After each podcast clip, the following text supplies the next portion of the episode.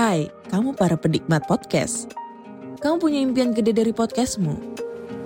Terus First Story bisa banget bantu kamu. Mulai dari F-Link, Dynamic Audio Insertion, sampai statistik yang komprehensif.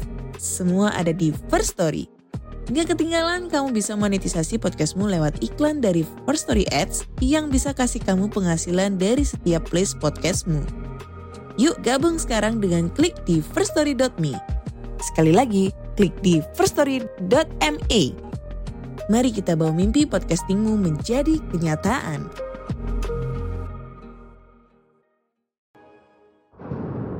Hai, saya Chow Sing Sing. Selamat datang di podcast Horror Night Story. Pasang telinga, buka pikiran, dan biarkan rasa takut merayap di dalam dirimu. Selamat mendengarkan.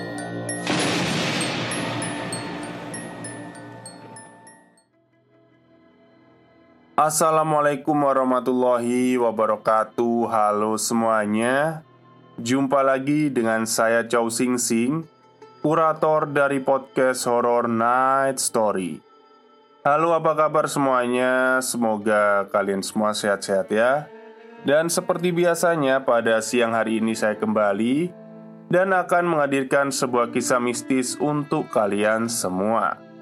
Kisah mistis kali ini saya datangkan dari treat horornya Mas Restu Wira yang menceritakan sesosok ketiga, maksudnya itu sosok ketiga ya, yang ada di bangsal rumah sakit. Oke, daripada kita berlama-lama, mari kita simak ceritanya. Tepat tengah malam, aku mendengar suara kursi roda yang diseret-seret tepat di depan pintu ruangan. Tak berselang lama, aku juga mendengar ada suara anak kecil yang tertawa cekikikan layaknya sedang bermain. Allahu Akbar, Allahu Akbar. Lantunan suara azan begitu terdengar jelas dari luar ruangan aku masih terdiam diri di depan ruangan tempat di mana ibuku mendapatkan perawatan khusus. Bagian kiri tangan dan kaki ibu patah seusai ditabrak lari oleh pengendara yang melintasi jalan raya besar di terminal kota Cirebon. Tak henti-hentinya, aku terus membacakan kalimat zikir untuk menenangkan hati dan juga pikiran yang sedang kacau ini. Dari kejauhan, kulihat seorang pria mengenakan sarung dan juga kopiah. Memiliki rambut yang panjangnya sebahu dan berjalan layaknya seorang ajudan dengan langkah yang sangat tegap sambil membusungkan badan ke arah depan. Dia adalah ayahku, Pak Hardi. Ayah sangat terpukul di saat mengetahui jika ibu mendapatkan sebuah cobaan yang amat berat. Belum lagi pelakunya melarikan diri saat insiden ini berlangsung. Ayah yang terkenal sangat penyabar kini berubah menjadi orang yang paling sensitif namun, walaupun dia mendapati masa-masa yang tidak kurang mengenakan di beberapa hari ini, ayah selalu menyuruhku untuk sholat berjamaah. Ulfa, ayo kita sholat berjamaah di musola. Udah masuk waktu maghrib. Iya ya, tapi siapa yang jaga ibu nanti? Nanti ada suster sama dokter. Gak usah khawatir kamu. Tapi Udah, ayo sholat. Aku bukannya ragu atau takut jika ibu ditinggalkan. Hanya saja aku tidak ingin kejadian yang sama terjadi Pada kemarin hari saat di mana ibuku Berteriak ketakutan saat mendapati sosok ketiga yang ada di rumah sakit ini. Ayah bilang, rumah sakit juga merupakan tempat di mana berkumpulnya sosok-sosok gaib yang masih terkurung. Mereka berkeliaran atau mungkin bergentayangan. Tidak heran jika pasien atau mungkin keluarga pasien sendiri tidak betah jika berlama-lama di rumah sakit. Selain dengan tempatnya, orang-orang yang sedang terkena musibah. Di tempat ini juga sering kali terjadi hal-hal aneh yang ada di luar nalar. Seperti yang dirasakan ibu kemarin hari. Dia berteriak ketakutan saat mendapati sosok wanita. Menggunakan pakaian suster namun memiliki wajah yang sudah hancur berantakan Aku tidak bisa membayangkan apa yang dirasakan oleh ibu saat itu di lain sisi, aku dan ayah sedang tidak berada di ruangan. Di sisi lain, ibu tidak bisa bergerak sama sekali.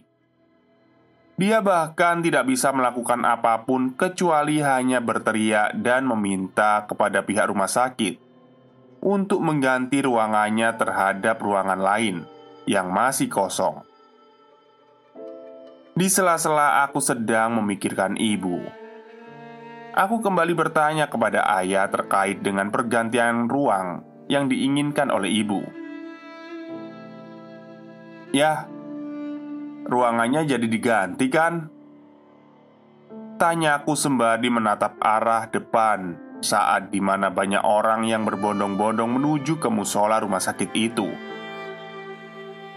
Iya, ayah sudah konfirmasi ke bagian admin. Katanya untuk hari ini belum ada yang kosong. Semua ruangan benar-benar ramai akan pasien. Jadi ya ayah memutuskan untuk tidak mengganti ruangan dulu. Jawaban itu membuat hatiku tidak nyaman.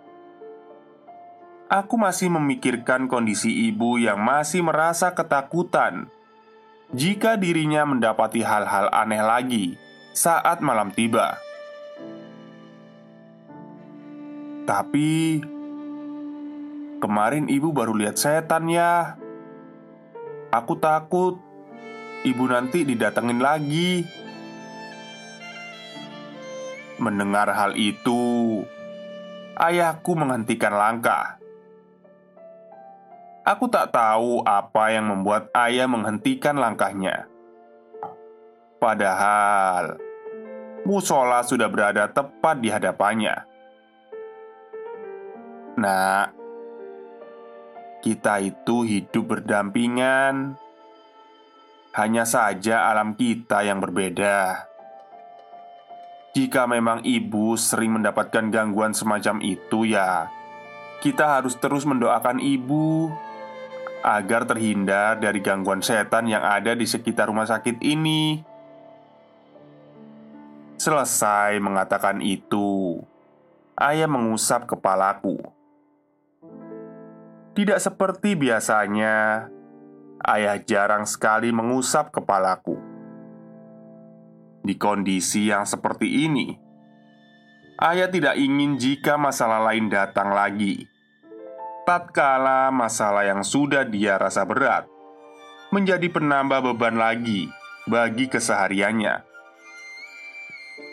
Sudahlah, sekarang kita sholat dulu. Nanti biar ayah yang jaga di luar ruangan Kamu jaga di dalam nemenin ibu Oke? Tepat setelah ayah mengatakan itu Muadzin musola langsung mengumandangkan suara ikoma Aku dan ayah langsung buru-buru untuk mengambil air wudhu dan segera melaksanakan sholat berjamaah Setelah selesai sholat, aku tidak buru-buru untuk melipat mukena Aku ingin tahu apakah ayah sudah keluar dari musola atau belum. Tanganku segera menggapai tirai pembatas antara soft laki-laki dan perempuan. Aku mengintip dari balik tirai itu dan kulihat ayah sedang terdiam sembari menundukkan kepalanya. aku hanya tersenyum.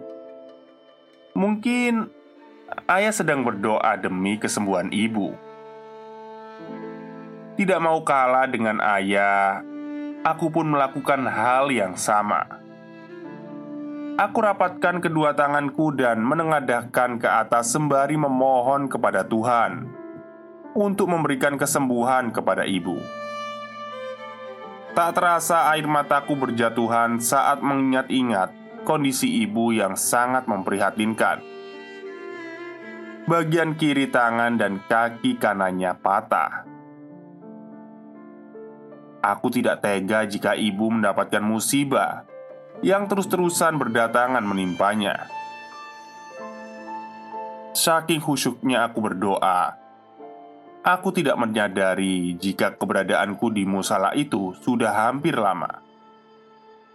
Kulihat jam dinding di musola sudah menunjukkan pukul 18.25. Aku segera merapikan mukena dan langsung beranjak pergi dari tempatku. Akan tetapi, saat di mana aku sudah keluar dari musola, aku masih menatap seorang pria yang kuyakini itu adalah ayahku sendiri. Awalnya, aku kira ayahku ketiduran karena kelelahan, sebab seharian penuh dirinya mengurusi ibu. Namun, aku merasa ada yang janggal.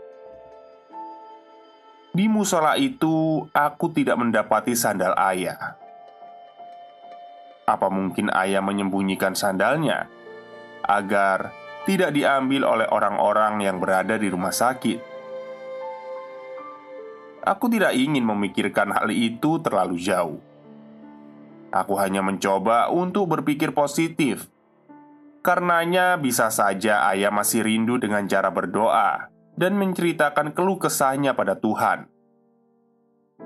Aku yakin ayah bisa lebih kuat lagi dengan ujian yang sedang dihadapinya.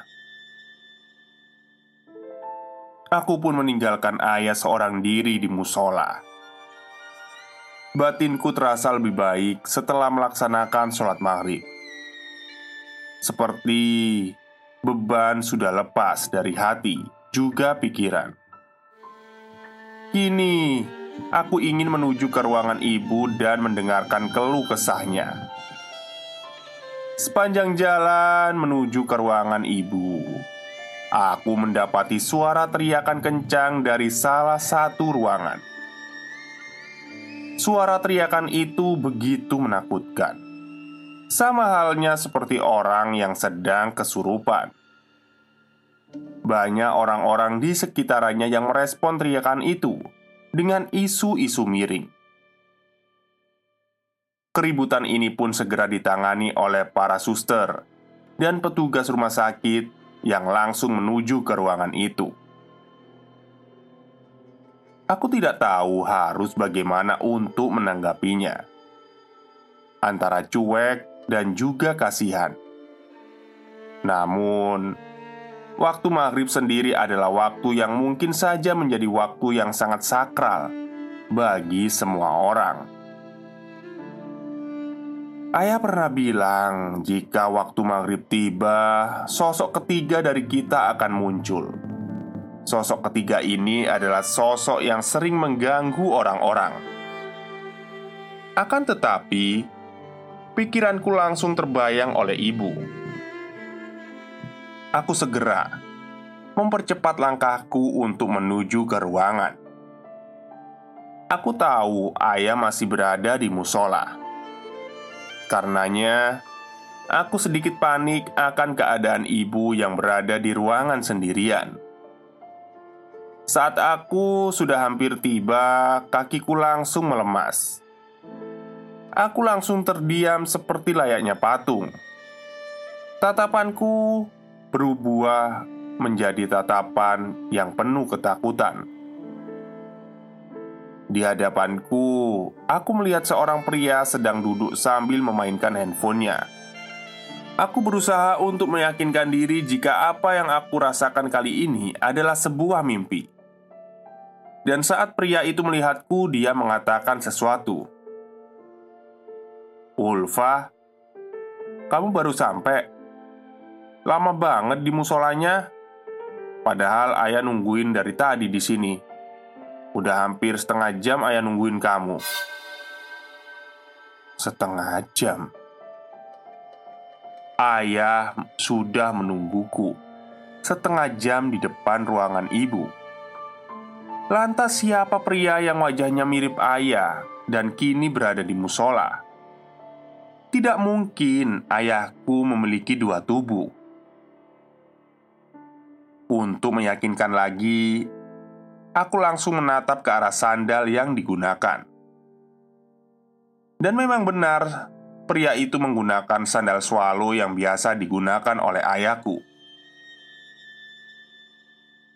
Tidak salah lagi jika yang ada di hadapanku ini adalah benar-benar ayahku. Aku langsung berlari dan memeluk ayah. Lulu, lulu, lulu, kamu kenapa? Kok kayak orang ketakutan gitu?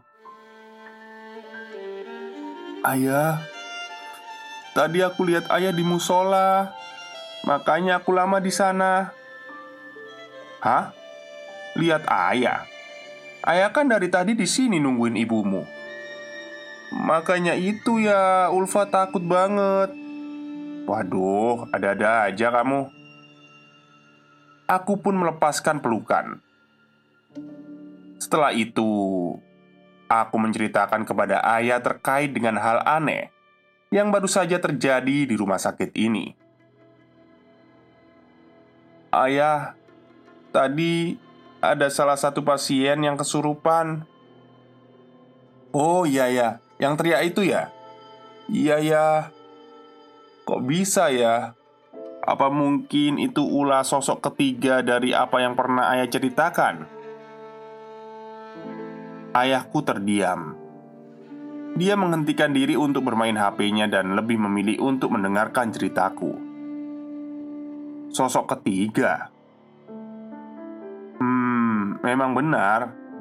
Kalau kita ini hidup gak sendirian, biasanya jika waktu-waktu tertentu sosok-sosok itu akan berkeliaran di sekitaran kita. Berkeliaran ya, iya, di rumah sakit khususnya. Sosok ketiga ini sering muncul tepat waktu maghrib atau tengah malam Ya nggak heran jika ibu kemarin mendapatkan hal yang aneh saat dirinya merasa ada orang yang masuk ke dalam ruangan Padahal ayah yang berjaga di luar saja tidak mendapati salah seorang pun di sini. Aku paham mengapa ayah begitu tenang untuk menghadapi hal semacam ini.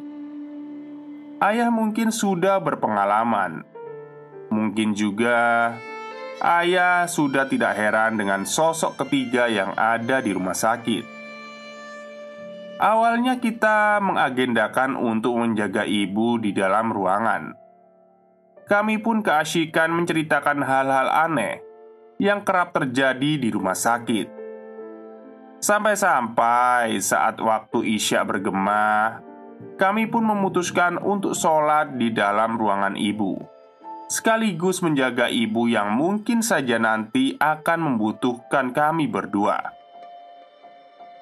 Tidak disangka, setelah menceritakan banyak hal sembari mengetahui sisi lain dari rumah sakit yang menjadi tempat perawatan ibu.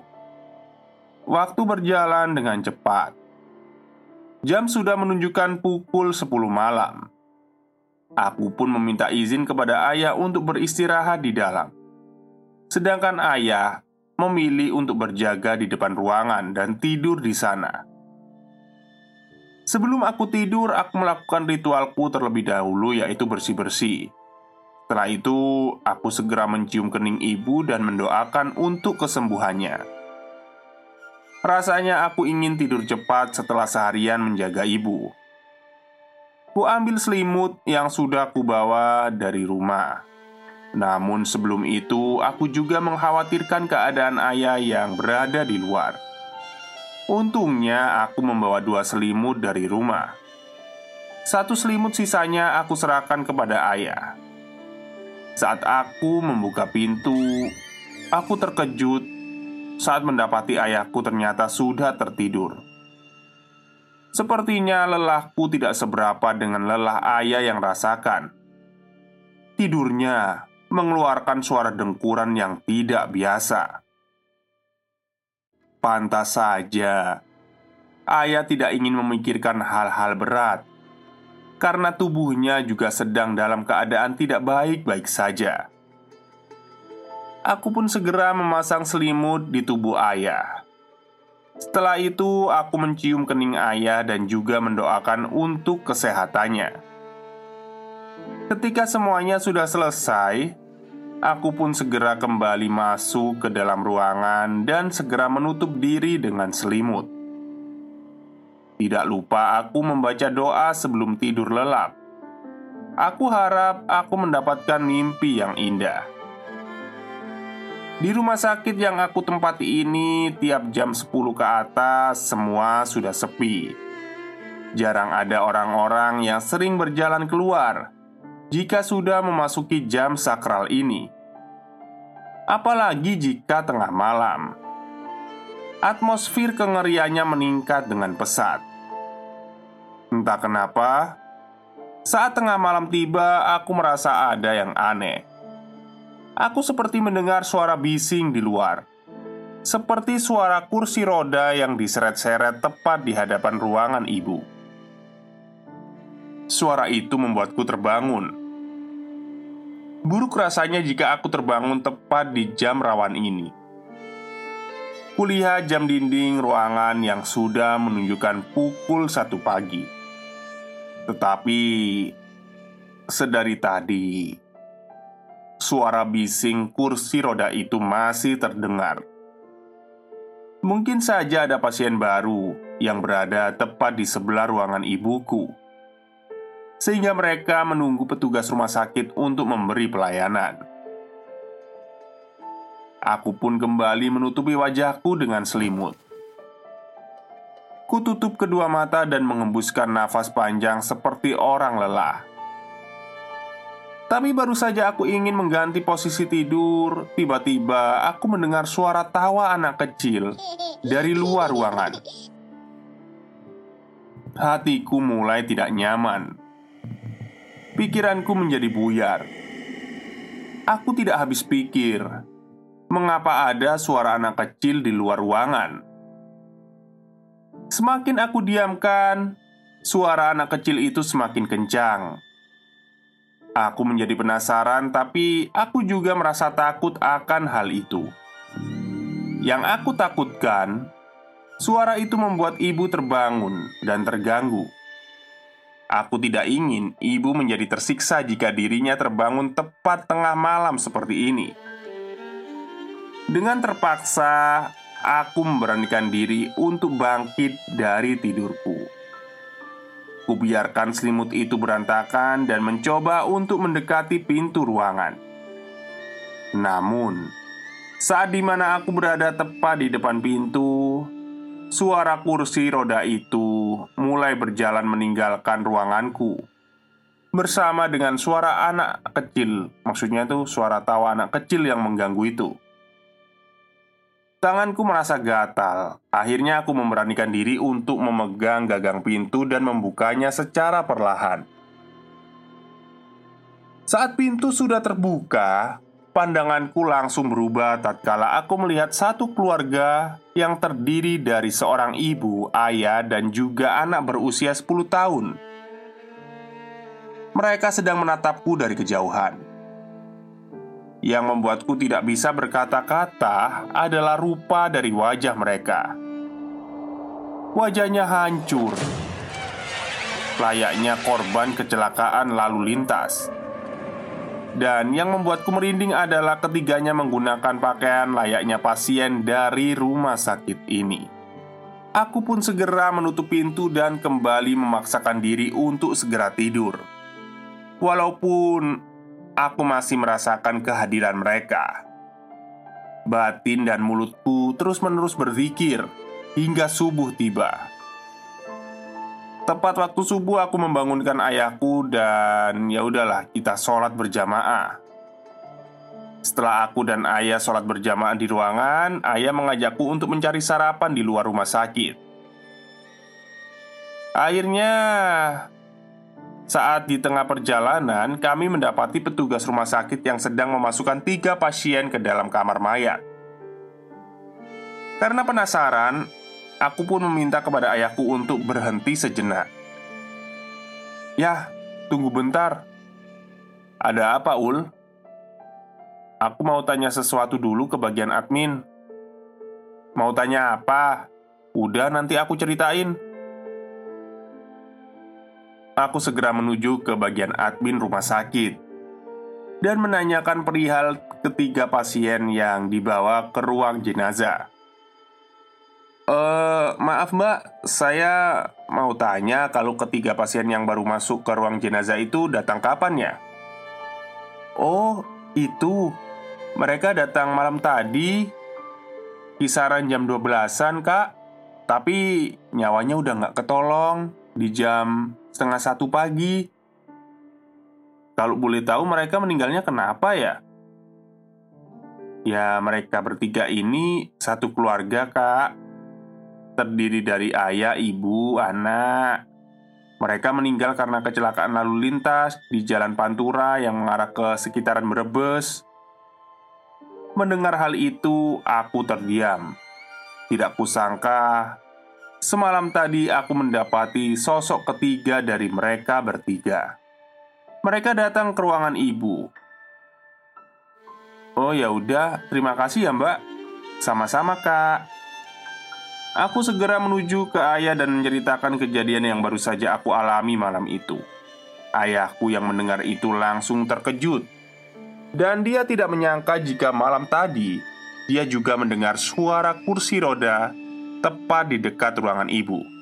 Namun karena lelah, ayahku tidak menggubrisnya. Dan dari kejadian itu aku memahami bahwa di mana pun tempatnya Sosok-sosok seperti itu pasti akan bermunculan di waktu dan kondisi yang tepat Tinggal bagaimana kita menanggapinya yang terpenting, kita tidak boleh terlalu takut karena sejatinya mereka hanya mengganggu keimanan kita kepada Tuhan Yang Maha Esa. Selesai. Oke, itulah treat lumayan panjang ya dari Mas Restu. Sosok ketiga yang ada di rumah sakit. Ya, menyeramkan juga sih. Oke, baik, mungkin itu saja ya cerita dari Chow Sing Sing pada siang hari ini. Haus saya. Semoga kalian semua terhibur. Selamat siang dan selamat beristirahat.